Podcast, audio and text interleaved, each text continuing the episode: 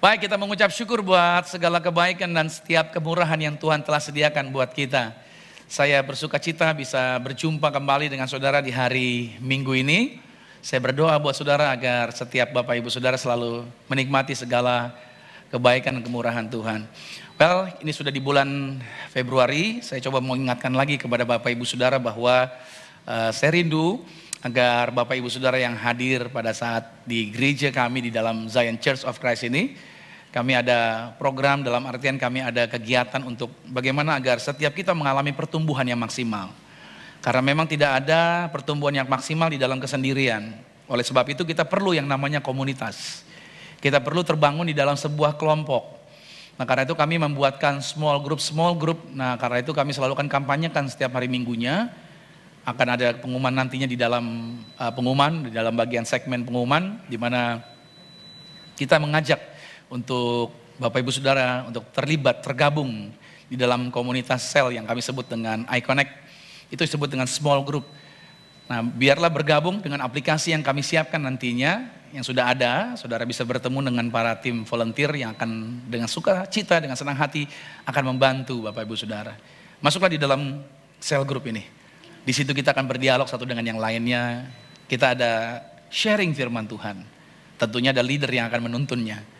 Kalau hari Minggu kan cuma satu arah, tapi kalau di hari biasa ketemu dalam kelompok yang isinya 12 orang, di situ enak bisa ngobrolnya.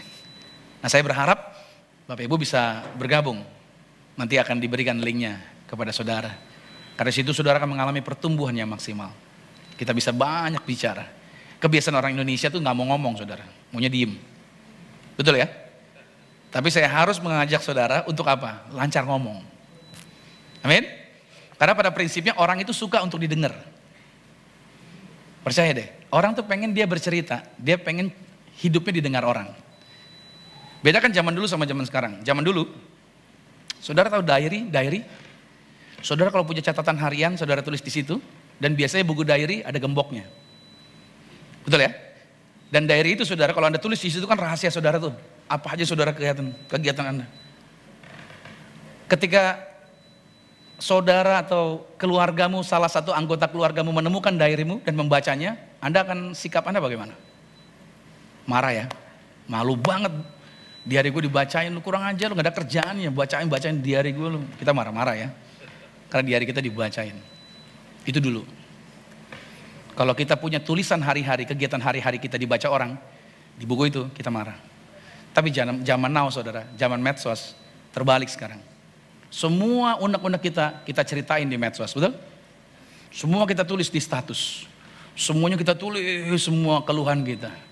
Dan kita akan mengalami dan kita akan mengalami emosi, kita akan marah kalau tulisan kita tidak dibaca orang gitu ya. Terbalik ya.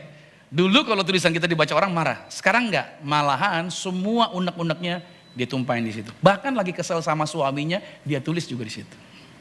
Sehingga semua orang tahu dia lagi ribut sama suaminya. Itu zaman dulu. Dan zaman now, itu mengalami perbedaan. Nah oleh sebab itu, saya rindu Bapak Ibu, saya mau ajak untuk lancar berbicara. Ngobrol. Karena kalau kita nggak pernah ngobrol, bagaimana message itu bisa nyampe kepada orang. Betul ya? Ada orang bilang gini, Pak saya kalau ngomong doa tuh kayaknya kurang berani Pak, kalau doa Pak nggak enak. Maksudnya saya takut kalau doa gitu.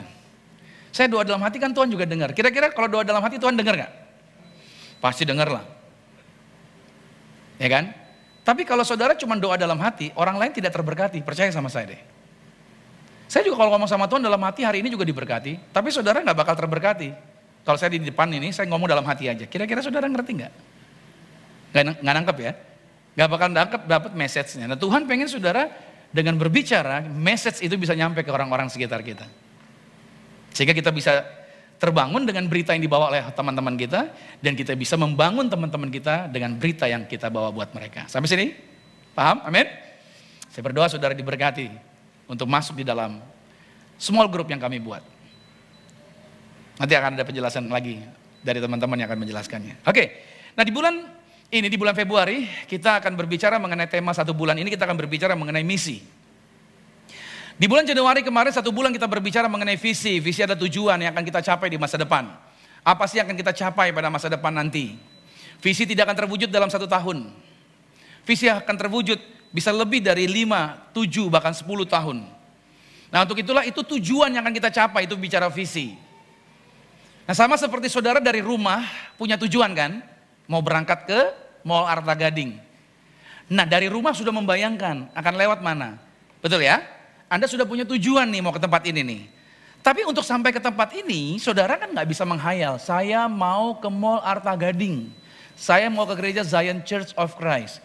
Nah Anda cuma mengucap dan cuma memikirkan itu doang di rumah, kira-kira itu Anda akan pindah nggak dari rumah langsung sampai ke sini?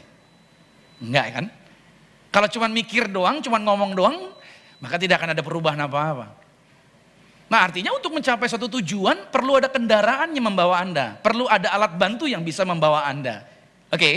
untuk sampai ke tempat tujuan, ya, untuk sampai ke gereja ini.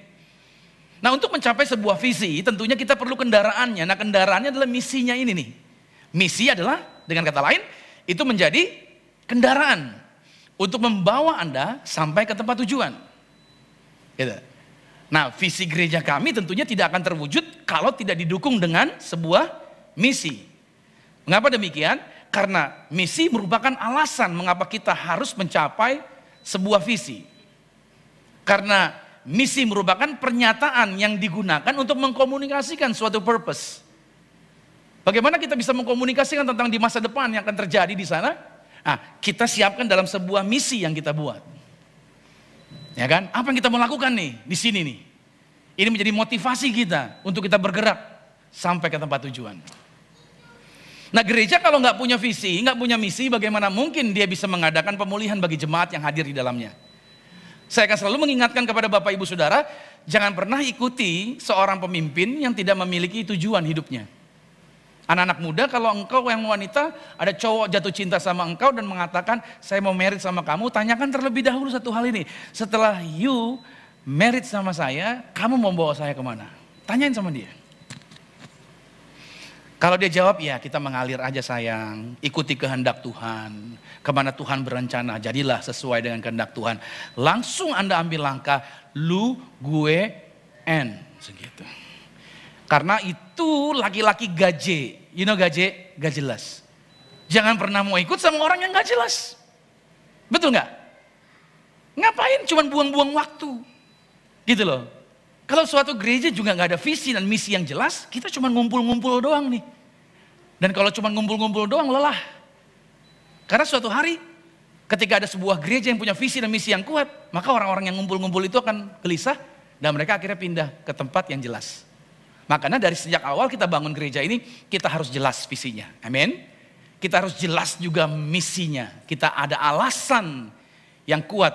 Karena alasan kami inilah yang akan menggerakkan kami untuk mewujudkan visi, yaitu visi kami adalah untuk menjadikan sebuah gereja lokal yang bergerak dalam kemurnian, menjadi relevan dan berdampak bagi dunia.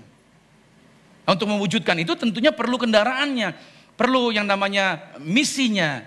Nah untuk itulah kami melihat, saya melihat bersama teman-teman, kenapa kami membangun dengan misi ini. Karena kami melihat banyak orang Kristen yang kelihatannya rohani, yang kelihatannya cukup aktif di dalam uh, kehidupan rohani bahkan bergereja tetapi mereka mengalami kebingungan. Mengalami ketidakdewasaan dalam kehidupan rohani mereka. Persoalannya kenapa demikian? Karena mereka ternyata saya jumpai mereka tidak memberikan, tidak menempatkan Yesus sebagai center kehidupan mereka. Mereka tidak menempatkan Yesus sebagai pusat kehidupan mereka. Ada ada pribadi lain, ada ada ada hal yang lain yang dijadikan pusat dalam kehidupan dia. Padahal saya katakan sama saudara, kalau kita tidak menjadikan Yesus sebagai pusat kehidupan kita, kita akan goncang hidup kita. Nah saya beri contoh, misalkan saudara ini nih, uh, mimbar ini. Mimbar ini bisa berdiri tegak kalau saudara bisa melihat, ini tidak sembarangan dibuatnya. Dia pada waktu dibuatnya harus diukur, di mana titik jatuhnya, di mana pusat beratnya gitu lah saudara. Ketika dibangun, harus diukur pas titik beratnya ada di situ. Sehingga berdirinya besi ini, dia akan stabil, tidak jatuh ke depan dan tidak jatuh ke belakang. Anda bisa melihat bahwa besinya ini tidak lurus, tapi dia dibuat melengkung dan ini tidak mudah. Dan itu harus diperhitungkan dengan matang. Sehingga dia dapat berdiri dengan baik. Sama halnya dengan hidup Anda dan saya. Kalau orang Kristen tidak menempatkan Yesus sebagai fokus atau titik utamanya, maka mereka bisa mengalami kegoncangan di dalam hidupnya. Atau selanjutnya mereka tidak menjadikan landasan dasar kepercayaannya, yaitu bukan firman Tuhan, maka sering kali mereka akhirnya terbawa dengan kebiasaan-kebiasaan yang ada di dalam dunia ini. Hati-hati saudara kalau kita nggak punya standar firman Tuhan, kita akan dengan mudah dengan tayangan-tayangan televisi, tayangan-tayangan media yang begitu gampangnya dijumpai. Anak-anak tinggal buka Google saja, tanya di situ, ada informasi-informasi di situ. Bagaimana caranya nggak apa dapat gebetan secara mudah ada di, Google. Ya kan? Bagaimana caranya uh, nikung bini orang lain ada juga di situ. Anda tinggal klik aja ada di situ. Semuanya ada di bank Google. Nah kalau kita nggak punya landasan firman Tuhan yang kuat, kita bisa error. Kita bisa kacau. Betul nggak? Bagaimana agar membangun rumah tangga menjadi rumah tangga menjadi suami yang disegani. Wah, di Mbah Google terada tuh. Kalau istri ngomel, gampar. Ada petunjuk entar. Jadi saudara akan diarahin kepada hal-hal yang bukan petunjuk firman Tuhan. Jangan kasih uang banyak-banyak sama bini. Ini contoh doang ya, jangan diikutin. Saya cuma memberi contoh sama saudara. Nah Anda bisa melihat di sini bahwa ini hal-hal yang salah kalau kita nggak punya landasan Alkitab. Maka dari itu catat baik saudara bahwa segala sesuatu yang kita tidak letakkan pada Yesus sebagai pusat kendali kehidupan kita dan kita tidak menjadikan Alkitab sebagai dasar kehidupan kita, maka kita akan sulit mencapai tujuan untuk menjadi gereja yang murni. Saya berdoa buat teman-teman yang terlibat di dalam Zion Church. Ini saya saya bangun saudara kita semua pada prinsipnya saya ingin semua kita bergerak di dalam kemurnian. Amin. Dan tidak gampang untuk mencapai itu. Perlu perjuangan. Itulah yang kami bangun hari-hari ini. Karena itu langkah inilah yang menjadi alasan kami untuk mencapai tujuan, untuk mencapai visi. Yaitu ini misi kami, yaitu misi daripada Zion Church of Christ adalah untuk membangun generasi terang yang berpusat pada Yesus Kristus, berlandaskan Alkitab, dan hidup dalam berkat bagi manusia. Anda boleh foto ini, Anda boleh catat ini, inilah misi kami. Jadi dalam perjalanan menuju visi, kami harus membangun orang-orang yang ada di dalamnya menjadi generasi apa? Terang. Sama-sama katakan generasi terang. Ya, yang ber, yang pusatnya siapa? Yesus, nggak ada yang lain. Pusatnya Yesus, bukan pusatnya Romi, bukan. Saya harus ngajarin ini. Anda jangan ngejar-ngejar saya, Anda harus kejar Yesus. Halo? Anda jangan beda-bedain. Saya kalau nggak dipegang Pak Romi kayaknya kurang urapan Pak. Kalau diurapin dipegang sama pastor yang lain takutnya itu Pak grade-nya kurang Pak. Kalau Pak Romi 100 dia mereka cuma gocap Pak, cuma gocap. Saya pengen dapet yang cepet Pak. Enggak enggak. Semua kita di dalam Tuhan punya kualitas yang sama di dalam Tuhan. Saya harusnya, saya harus sebagai pemimpin, saya tidak boleh insecure. Saya justru harus mendorong teman-teman saya. Saya harus mendorong tim pastoral saya agar mereka juga yakin dan percaya bahwa kuasa yang sama juga ada bersama dengan mereka. Amin. Saya, saudara, kita harus buat mereka bersama-sama dengan saya. Bahwa standar atau pusat kita bukan gembalanya. Pusatnya dulu Yesus. Sama-sama katakan pusatnya Yesus. Amin. Landasannya bukan kata pendetanya, tapi landasannya kata Alkitabnya. Apa kata Alkitabnya itu landasan? Dan biar kehidupan kita juga dapat menjadi berkat. So hari ini tema yang saya bawakan di dalam bulan Februari ini kita berbicara mengenai misi sepanjang uh, bulan Februari dan hari ini saya berbicara mengenai ini. The messenger. Sama-sama katakan the messenger. Apa the messenger? Hah? Pembawa pesan. Kalau saya mau rohanikan pembawa kabar baik. Nah Tuhan mau pakai setiap kita untuk membawa kabar baik. Karena menjadi generasi terang itulah akan membawa kabar baik. Bagaimana kita bisa mempengaruhi orang kalau kita tidak mau dipakai Tuhan untuk menjadi pembawa kabar baik. Nah saya berdoa, saudara semua yang hadir hari ini, menangkap pesan firman Tuhan ini, dalam beberapa menit ke depan, kita pulang menjadi seseorang yang berbeda. Matius 5, kita buka sebentar. Pada ayat 13, dikatakan begini, kamu adalah garam dunia. Jika garam itu menjadi tawar, dengan apakah ia diasinkan? Ini kata-kata Yesus ya. Tidak lagi gunanya selain dibuang dan diinjak orang. Kamu adalah terang dunia. Kota yang terletak di atas gunung tidak mungkin tersembunyi. Lagi pula orang tidak menyalakan pelita lalu meletakkannya di bawah gantang. Melainkan di atas kaki dian sehingga menerangi semua orang. Perhatikan kata-katanya. Menerangi apa? Semua orang di dalam rumah itu. Demikianlah hendaknya terangmu bercahaya di depan orang. Supaya mereka melihat perbuatanmu yang baik. Dan dikatakan apa? Memuliakan Bapamu yang di sorga. Oke, okay, good. Yang menarik dari teks Matius 5 ini ada dua hal penting yang menjadi standar kehidupan rohani setiap orang percaya. Ada kata garam, ada kata terang. Ada garam dunia, terang dunia di dalam teks ini. Nah kedua-duanya memiliki teks yang mirip. Garam dunia dengan terang dunia ada kemiripan. Kemiripannya adalah dua-duanya sama-sama membawa dampak. Dua-duanya memberikan efek. Nah setelah Yesus Memberitahukan murid-muridnya di dalam teks Matius ini saudara bahwa kamu aku jadikan penjala manusia. Yesus mengangkat mereka dan menjadikan mereka penjala manusia. Lalu setelah menjadi penjala manusia yang ikut Yesus, Yesus mengatakan lagi, mereka akan menjadi apa sesuai dengan rancangan Yesus. Dan Yesus mengatakan bahwa mulai hari ini kalian adalah garam dunia dan terang dunia. Untuk apa? Mereka disebut sebagai garam dan terang dunia. Karena mereka akan dijadikan Tuhan untuk membawakan pesan Tuhan dan mereka akan dibuat Tuhan berhasil. Saudara tahu kan bahwa Yesusnya naik ke sorga. Lantas siapa yang membagikan firman Tuhan kalau sampai hari ini kita bisa jadi orang percaya? Murid-murid, mereka dipakai Tuhan untuk membawa kabar baik. Betul ya?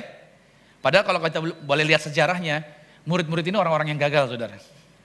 Karena pada waktu Yesus ditangkap, murid-muridnya ke mana? Murid-muridnya ke mana? Kabur ketakutan. Siapa yang teriak begini? Nih, yang lain boleh lari. Nih gue nih. Nehi semerekete. Kuts, kuts hotahe. Dia bilang, saya tidak akan kabur, saya rela mati bagimu. Siapa namanya? Petrus. Petrus berani ngomong begitu loh.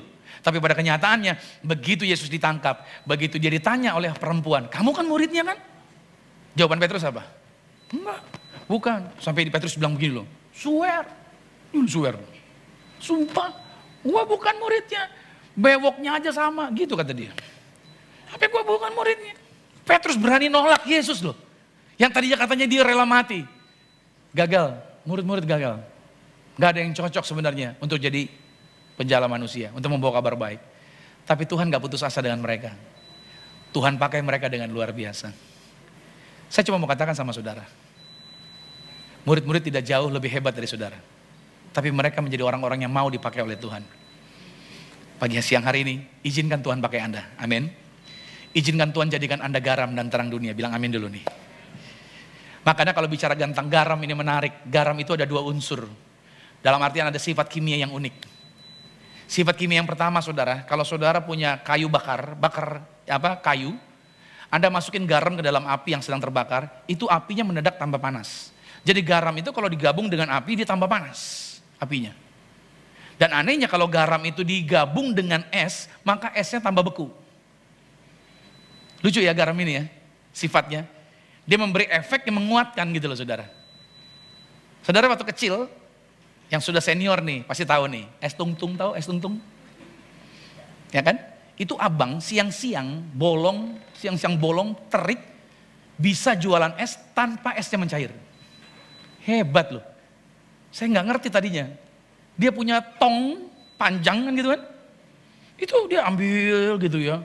Padahal dia nggak bawa apa tuh pendingin yang pakai listrik nggak ada. Tapi kok esnya nggak cair ya? You know, ternyata di sekeliling tongnya itu dia ada karung yang isinya garam. Jadi garamnya nempel ke bodi besinya, itu sehingga dingin yang keluar dibuat tambah beku lagi sehingga esnya nggak mencair seharian bisa kuat. Wah luar biasa loh. Itu efek dari garam. Ya kan? Jadi ini manfaat yang luar biasa garamnya. Nah manfaat lain lagi dari garam adalah dia dapat membersihkan, dapat mengharumkan, bahkan garam itu dapat mengawetkan suatu daging agar tidak menjadi busuk. Saya percaya kalau Yesus memberikan sebuah analogi, sebuah petunjuk, penjelasan, itu dengan hal-hal yang sederhana untuk dapat dimengerti oleh kita. Bahkan dalam perjanjian lama garam juga dipakai dalam prosesi korban bakaran, korban persembahan, daging yang dipersembahkan kepada Tuhan harus dikasih garam. Agar apa? Agar tidak menjadi busuk. Nah, ini memberikan petunjuk bahwa Yesus memberikan gambaran ini bahwa murid-murid menjadi garam, pastinya murid-murid diajarkan untuk paham bahwa mereka harus seperti garam. Garam yang baik itu warnanya apa? Putih, bagus. Garam yang baik itu warnanya putih. Halus. Bila sama-sama halus. Halus. Dia dihancurkan menjadi butir-butir. Sehingga sehingga garam itu bisa menyerap dan meresap dengan baik. Maka saudara kalau masak telur, ceplok atau telur dadar, kalau saudara ngasih garam gimana? Garam batu bata langsung ditaruh gitu? Atau garamnya yang sudah dihancurkan gini? Di satu area atau disebar? Sebar, bagus. Kalau masak juga gitu kan? Sebar nggak garamnya? Itu dia. Tuhan mau kasih gambaran buat setiap kita. Ketika kita menjadi garam, harusnya hidup kita putih. Bilang amin dulu nih. Kita tidak membawa kebusukan. Amin. Kita justru bisa membuat harum Oke, kita justru malah menyingkirkan yang namanya hal-hal yang bisa membuat rusak. Garam itu sendiri kalau dibilang menjadi butir-butir artinya apa? Tuhan menjelaskan kepada para murid, kalian jangan hidupnya ngumpul aja. Sama kita nih, orang Kristen. Ngumpulnya sama orang Kristen aja gitu. No, no, no, no.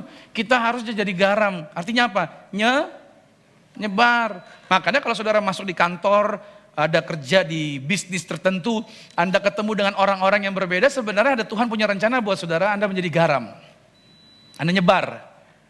Anda jadi efek agar orang-orang lain terdampak dengan kehidupan Anda. Amin. Tuhan ingin agar saudara bisa mempengaruhi dengan baik, menyerap.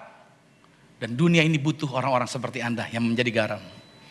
Oleh sebab itu Ibrani 4 ayat 12 berkata begini, sebab firman Allah hidup dan kuat dan lebih tajam daripada pedang bermata dua mana pun. Ia menusuk amat dalam sampai memisahkan jiwa dan roh, sendi-sendi dan sumsum. Ia sanggup membedakan pertimbangan dan pikiran hati kita. Lihat caranya. Sebagaimana Injil begitu masuk menyerap ke dalam. Tuhan ingin juga kehidupan anak-anak Tuhan juga menyerap sampai ke dalam. Dan membawa perubahan yang luar biasa. Tuhan ingin setiap kita menjadi orang-orang yang membawa dampak dalam kehidupan kita. Makanya murid-murid ngerti pada waktu mereka akan disebar sama Tuhan. Pergilah ke seluruh bumi. Jadikan segala bangsa muridku. Saya terlalu yakin bahwa Tuhan ingin agar Anda dan saya juga ke mana pun Anda berdiri, di mana pun Anda melangkah, saudara jadi garam. Bukan dipengaruhi, tapi mempengaruhi. Ada amin? Kita bukan ikut-ikutan orang, tapi orang-orang yang ikutin kita. Good. Lalu selanjutnya bukan cuma garam, ada terang di situ. Berbicara terang itu bahwa Tuhan mengajarkan setiap orang percaya adalah terang di dalam Tuhan. Kenapa kita disebut terang? Terang itu nggak pernah tersembunyi. Terang itu saudara selalu akan menerangi dan taruhnya di atas. Terang itu tidak pernah disembunyikan di bawah. Kalau saya jalan menggunakan, misalkan ruangan ini gelap. Lihat, kalau saya menjadi pemimpin saudara, saya di depan. Ada terang yang saya nyalakan di, di alat gadget saya. Lihat, kalau saya mau nuntun Anda jalan, ruangan ini gelap, kita nggak kelihatan. Kira-kira kira-kira saya sebagai orang yang menyalakan senter, saya harus berdiri di belakang Anda atau saya berdiri di depan Anda? Kalau saya pegang terang, saya ada di belakang Anda atau saya ada di depan Anda? Ya. Karena dengan ada di depan, terang yang saya punya akan menuntun Anda sehingga Anda tidak akan terjerumus, Anda tidak akan terjebak dengan lobang ataupun dengan hal-hal yang berbahaya di depan. Dengan terang ini saya bisa menunjukkan jalan mana yang mesti kita ambil. Dengan terang ini kita akan bisa membawa orang untuk berjalan di dalam kebenaran. Walaupun di dalam dunia ini begitu banyak jebakan, begitu banyak hal-hal yang akan membuat orang hidupnya nggak beres. Saya tidak katakan bahwa kita harus hidup di, depan, di, di, di lingkungan orang-orang yang hidupnya baik-baik semuanya. Saya dulu orang yang terlalu idealis.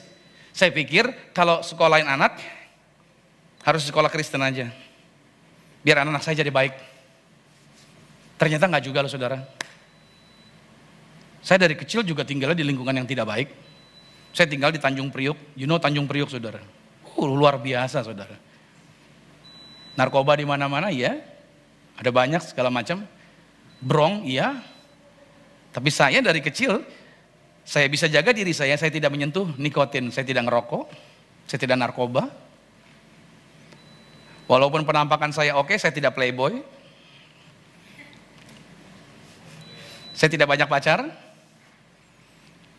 Betul, saya hidup jaga benar baik. Saya bukan orang yang punya bank data jumlah cewek-cewek saya, tidak ada. Saya seorang olahragawan, saya jaga kesehatan dengan baik. Artinya apa saudara? Saya menjadi terang, artinya saya bisa menjaga diri saya. Banyak orang sering kali menyesali hidupnya. Habis saya tinggal di lingkungan yang gak beres sih pak. Habis orang tua saya broken home, makanya saya jadi begini. Padahal harusnya yang bisa membuat kita hidup kita baik, benar atau tidak benar, itu bukan karena orang luar, tapi karena putusan diri kita sendiri. Makanya saya pikir anak-anak saya masuk sekolah Kristen, wah ya bagus sih sekolah Kristen. Tapi tahu saudara, sekolah Kristen bayarannya tidak Kristen. Luar biasa saudara. Uh, kita minta diskon, dia bilang apa? Ya kan? Kan kita bilang, kok sekolah Kristen mahal, sekolah yang bukan Kristen nggak mahal. Dia bilang apa? Udah tahu mahal kenapa masuk sini, gitu kata dia. Repot kan kita jadinya. Mau bilang apa? Nah itu yang saya pegang. Berarti kita anak Tuhan harusnya jadi terang. Makanya saya bilang sama anak saya, nggak perlu harus sekolah Kristen juga nggak apa-apa. Yang penting bagaimana parents didik anak-anak dengan benar. Seorang tua harus jadi terang loh di rumah loh. Bilang amin dulu nih para orang tua nih. Amin Papa Mama? Haleluya. Stop kata-kata yang salah. Bamaki itu coba lepas tuh. Hilangin tuh kata-kata yang negatif itu. Copot. Harus kata-kata yang memberkati. Filipi 2 ayat 15 dikatakan begini. Supaya kamu tidak beraib dan tiada bernoda sebagai anak-anak Allah yang tidak bercela di tengah-tengah angkatan yang bengkok hatinya. Lihat, dunia ini bengkok hatinya dan yang sesat. Sehingga sama-sama yuk dengan saling katakan apa? Kamu bercahaya di antara mereka seperti apa? bintang-bintang dunia. Terang juga saudara ketika ruangan ini gelap, cara menyingkirkan terang adalah nyalakan lampunya, begitu ada terang, kegelapannya akan menyingkir dengan sendirinya. Si kalau Anda ada kegelapan di dalam rumah Anda, jangan pasang kipas angin besar-besar. Cara menyingkirkan kegelapan, nyalakan lampunya, bikin terang di rumah Anda, kegelapan akan menyingkir dengan sendirinya. Kalau hari ini ada kegelapan di dalam bisnis Anda, ada kegelapan dalam rumah tangga Anda, ada kegelapan dalam dalam hubungan uh, Anda dengan seseorang dalam dalam karir dan pekerjaan Anda, dalam hubungan masa muda Anda, ada kegelapan yang terjadi. Caranya mudah. Kalau Anda mungkin diganggu kuasa kegelapan, cara untuk menyingkirkannya adalah hadirkan terang di dalam kehidupan Anda. Hadirkan Yesus, izinkan Yesus sebagai terang dunia di dalam Yohanes 8 ayat 12. Akulah terang dunia. Begitu kita mengundang Yesus hadir dalam kehidupan kita, saya terlalu yakin kegelapan akan menyingkir dalam kehidupan Anda. Bisnis Anda akan terang. Amin. Rumah tangga Anda akan terang menderang. Amin. Relation Anda akan baik dan terang di dalam kehidupan Anda. Bahkan orang-orang yang susah hidupnya ketemu dengan Anda, kehidupan mereka berubah. Artinya saudara kasih Tuhan garam dan terang. Ini memberi petunjuk buat kita. Kita jadi messenger. Kita menjadi pembawa kabar baik. Kita membawa kabar baik ini ke mana pun kita berada. Sekarang pertanyaannya ini. Mengapa kita harus menjadi pembawa kabar baik? Why? Kenapa? saya harus menjadi pembawa kabar baik. Alasan pertamanya ini, bahwa ini sebagai bukti bahwa kita mengasihi Tuhan. Sama-sama katakan saya mengasihi Tuhan. Kalau orang tanya saudara, saudara mengasihi Tuhan? Jawaban kita pastinya apa? Pasti saya mengasihi Tuhan. Kalau saudara mengasihi Tuhan, saudara harusnya masuk dalam poin yang pertama ini. Bahwa Anda mau membawa kabar baik. Tuhan tidak cari orang yang mampu. Tuhan hanya cari orang yang mau. Kalau saudara mau, Tuhan yang akan buat Anda mampu. Yohanes 14 ayat 21 berkata, barang siapa memegang perintahku dan melakukannya, dialah yang mengasihi aku. Dan barang siapa mengasihi aku, ia akan dikasihi oleh Bapakku. Dan aku pun akan mengasihi dia dan akan menyatakan diriku kepadanya. Nah yang menjadi motivasi kita untuk menjadi alatnya Tuhan, itu karena kasihnya Tuhan. Banyak orang mau melayani Tuhan.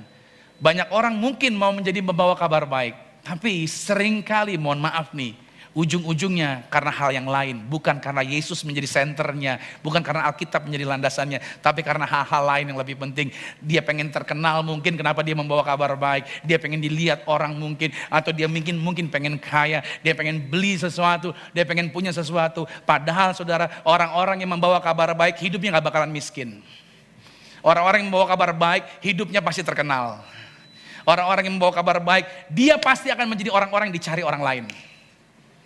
Saya nggak perlu promosi diri saya, tapi orang dari mana-mana bisa undang saya. Saya nggak kenal ada orang di Papua, kenapa dia minta saya pimpin KKR di Papua, saudara? Tahun 2018, saya diundang ke Papua. Saya pimpin di sana, di Jayapura. Yang ngundang dari dandimnya saudara. Jadi saya pikir, kenapa dia bisa kenal saya, saya nggak tahu. Tapi itu cara Tuhan. Kalau kita berjalan di dalam kehidupan kita untuk membawa kabar baik, saya terlalu yakin nanti Tuhan yang siapkan tempatnya di mana saudara akan dipakai di tempat yang luar biasa. Kita nggak perlu harus menjadi hype dulu, kita nggak perlu harus besar dulu. Mulailah dengan apa yang ada di tangan Anda seperti Musa pada waktu dia akan pergi diutus Tuhan. Musa ditanya, apa yang kau punya? Dia punya tongkat doang. Tapi dengan tongkat itu kata Tuhan, aku akan membuat kau luar biasa. Tuhan tidak minta Anda menjadi hebat dulu. Apa yang ada padamu? Kau bisa main musik? Aku akan buat kau hebat di musik. Apa yang ada padamu? Suara, aku akan buat kau hebat. Sebagai pemuji yang luar biasa. Apa yang kau bisa? Aku bisanya berdiri jadi asyir, aku akan bikin kau jadi luar biasa di sana. Aku cuma bisa dengerin orang cerita. Justru aku akan bikin kau menjadi seorang konselor yang luar biasa. Tuhan bisa pakai Anda di mana pun. Amin. Itulah sebabnya kalau kita menjadi pembawa kabar baik tujuannya agar kita bisa membuktikan bahwa kita ini orang-orang yang mengasihi Tuhan. Nah, saya percaya Tuhan ingin bawa Anda ke area tersebut. Itu motivasi kita karena Tuhan sudah mengasihi kita. Yang kedua, mengapa kita harus menjadi pembawa kabar baik adalah karena kehidupan kita ini adalah kesaksian. Sama-sama katakan dengan saya, hidupku adalah kesaksian. Ya, hidup kita kesaksian. Kita dilihat orang. Ibrani 12 pada ayat 1 berkata, karena kita mempunyai banyak saksi, bagaikan awan yang mengelilingi kita, marilah kita menanggalkan semua beban dan dosa yang begitu merintangi kita, dan berlomba dengan tekun dalam perlombaan yang diwajibkan bagi kita. Lihat-lihat baik, Hidup kita adalah kesaksian. Makanya saya kasih tahu. Orang-orang dunia yang tidak percaya Tuhan, mereka gak, gampang sekali punya simpenan, tapi gak ketahuan. Tapi kalau kita anak-anak Tuhan, punya simpenan, pasti ketahuan. Makanya orang-orang dunia lebih licik daripada orang-orang rohani. Anak-anak dunia lebih bodoh daripada orang-orang dunia. Orang dunia berbuat jahat. Kalau kita coba-coba nyaingin mereka, kita bodoh sekali. Karena kita akan ketahuan. Kenapa sih ketahuan? Karena kita terang. Jadi kalau kita buat macam-macam, pasti ketahuan. Pasti ketahuan. So, hari ini saya kasih tahu sama saudara. Terang Tuhan ada di dalam diri saudara. Jangan macam-macam, bilang sama-sama jangan macam-macam. Iya. Nah karena itu, mari kita jadikan kehidupan kita menjadi kesaksian. Biar kehidupan kita dicontoh oleh orang lain. Ada sebuah istilah yang saya, saya tulis begini Perbuatan bersuara lebih keras dibandingkan perkataan. Banyak orang yang bisa ngomong tapi sulit dalam berbuat.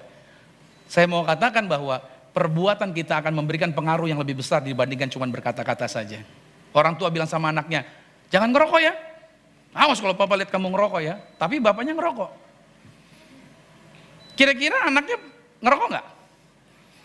Dia contoh bapaknya ngerokok. Anaknya akan ngikutin bapaknya. Meskipun bapaknya bilang jangan ngerokok. Ngerokok itu nggak baik. Gitu. Kalau papa udah tua nggak apa-apa. Makanya saudara, orang yang ngerokok itu punya keuntungan sebenarnya. Yang pertama, orang yang ngerokok itu dia tidak akan pernah dikejar anjing gila. Karena pada waktu dia jalan, orang yang ngerokok pasti dia akan mudah lemah tubuhnya dan kalau jalan saking lemah tubuhnya dia perlu tongkat. Maka kalau ada anjing gila, dia ada alat pengaman. Itu maksud saya. Yang kedua, orang yang ngerokok itu pastinya rumahnya tidak akan kemalingan. Kenapa tidak akan kemalingan? Kalau orang ngerokok kalau malam tuh suka batuk-batuk sehingga maling mau masuk nggak jadi. Aduh, penghuninya masih bangun nih batuk-batuk kan nggak jadi dia. Mau masuk lagi, waduh masih bangun nih nggak jadi lagi itu saudara. Jadi itu keuntungan yang kedua dari orang ngerokok. Keuntungan yang ketiga dari orang ngerokok adalah apa saudara? Rambutnya tetap hitam. Wih, bener pak? Bener. Kenapa? Karena dia mati pada waktu rambutnya masih hitam. Maksudnya gitu saudara ya. Jadi dia mati muda gitu saudara maksud saya. Nah artinya itu pilihan daripada saudara. Kalau kita mau ngajarin orang, tunjukkan dengan perbuatan kita. Halo? Ya, saya di rumah, saya bilang sama anak saya, kamu jangan suka ngomong kencang-kencang dong. Marah-marah gitu. Tapi saya ngomong begitu, mereka akan bilang sama saya, papi juga ngomongnya kencang kok, gitu kata dia. Saya kadang kala emosi juga sama anak saya saudara. Kita kadang kala, aduh, saudara kalau punya anak satu lebih gampang daripada punya anak empat, saudara. Anak satu lebih tahan kita emosinya. Anak empat, saudara, stres juga kita. Mau tahan gimana gitu. Uh, kadang kala suara saya jadi tinggi gitu. Makanya mereka bilang, tuh papi suaranya gede gitu. Makanya anak-anak saya sering kali komplain sama saya. Katanya suaranya nggak mau gede lagi. Makanya saya ngelatih diri saya nih. Terus. Orang Ambon memang suaranya tinggi-tinggi sudah. Tapi bagaimanapun juga harus saya turunin. Karena sudah jadi gembala nggak boleh ngomel-ngomel lagi. Nah gitu saudara. Saya harus jadi contoh buat keluarga saya. Dan nggak bisa dengan kata-kata. Tapi dengan apa tadi? Perbuatan. Dalam 1 Yohanes 3 ayat 17 sampai 18 dikatakan barang siapa mempunyai harta duniawi dan melihat saudaranya menderita kekurangan tetapi menutup pintu hatinya terhadap saudaranya itu Bagaimanakah kasih Allah dapat tetap hidup di dalam dirinya? Anak-anakku, marilah kita mengasihi bukan dengan perkataan atau dengan lidah, tetapi dengan perbuatan dan dalam kebenaran. Nah itu harusnya kita menjadi anak-anak Tuhan yang bisa menunjukkan perbuatan kita. Kalau kita punya sesuatu jangan ditahan. Kalau kita punya hal yang bisa kita bantu. Saya bilang sama teman-teman terima kasih teman-teman volunteer yang lain. Mereka sudah mulai bergerak dengan berkata, Pak saya bisa bantu di area ini ya Pak. Pak saya bantu di area ini ya Pak. Puji Tuhan. Gereja ini tidak akan jadi hanya satu orang yang berperan. Gereja ini akan jadi ketika semuanya berperan bersama-sama. Amin. Haleluya.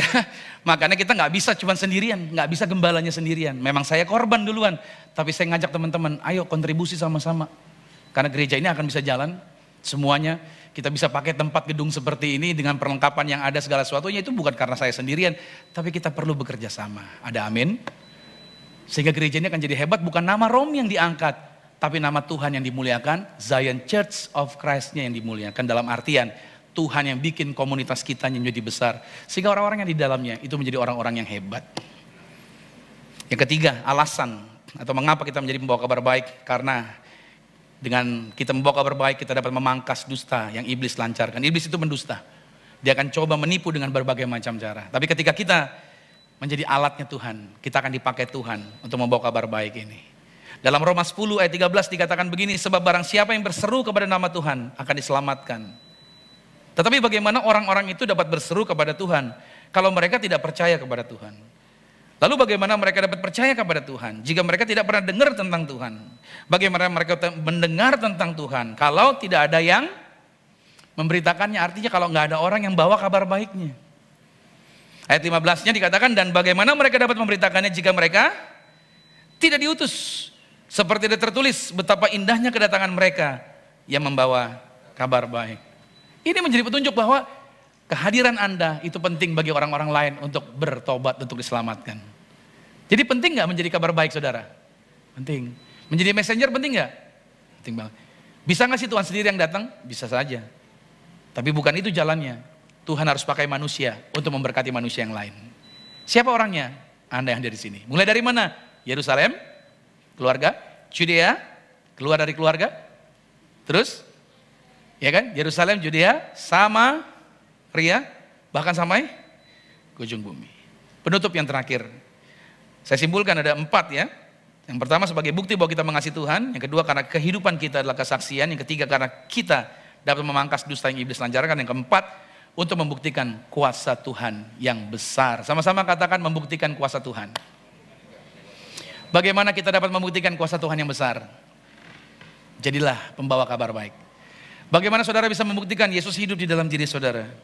Izinkan Tuhan pakai Anda menjadi kabar baik. Agar di tangan Anda Anda bisa buktikan tumpang tangan orang sakit sembuh. Anda bisa usir setan. Kalau ada yang kesurupan jangan kabur. Tapi Anda yang turun tangan, usir setannya. Amin. Kalau ada yang kesurupan, surupan jangan bilang gini, eh telepon telepon Pak Romi, telepon Pak. Biar Pak Romi ke sini, jauh rumahnya. Nungguin pendeta udah keburu amsyong orangnya. Kalau saudara ada di situ, Anda jadi salurannya Tuhan. Amin. Siap diberkati Tuhan lebih lagi saudara? Kita kasih tepuk tangan dulu buat Tuhan yang luar biasa. Saya percaya, saya percaya bahwa kuasa itu bukan cuma ada di dalam dirinya pendeta, bukan cuma ada di dalam dirinya pelayan-pelayan Tuhan, tapi kuasa itu ada di dalam diri setiap anak-anak Tuhan. Siapa? semua Anda yang hadir hari ini. Kalau Anda ada kelemahan tubuh, katakan pada tubuhmu, aku sembuh. Katakan pada tubuhmu, engkau sehat. Pulang dari tempat ini Anda berbeda. Pulang dari tempat ini Anda diberkati.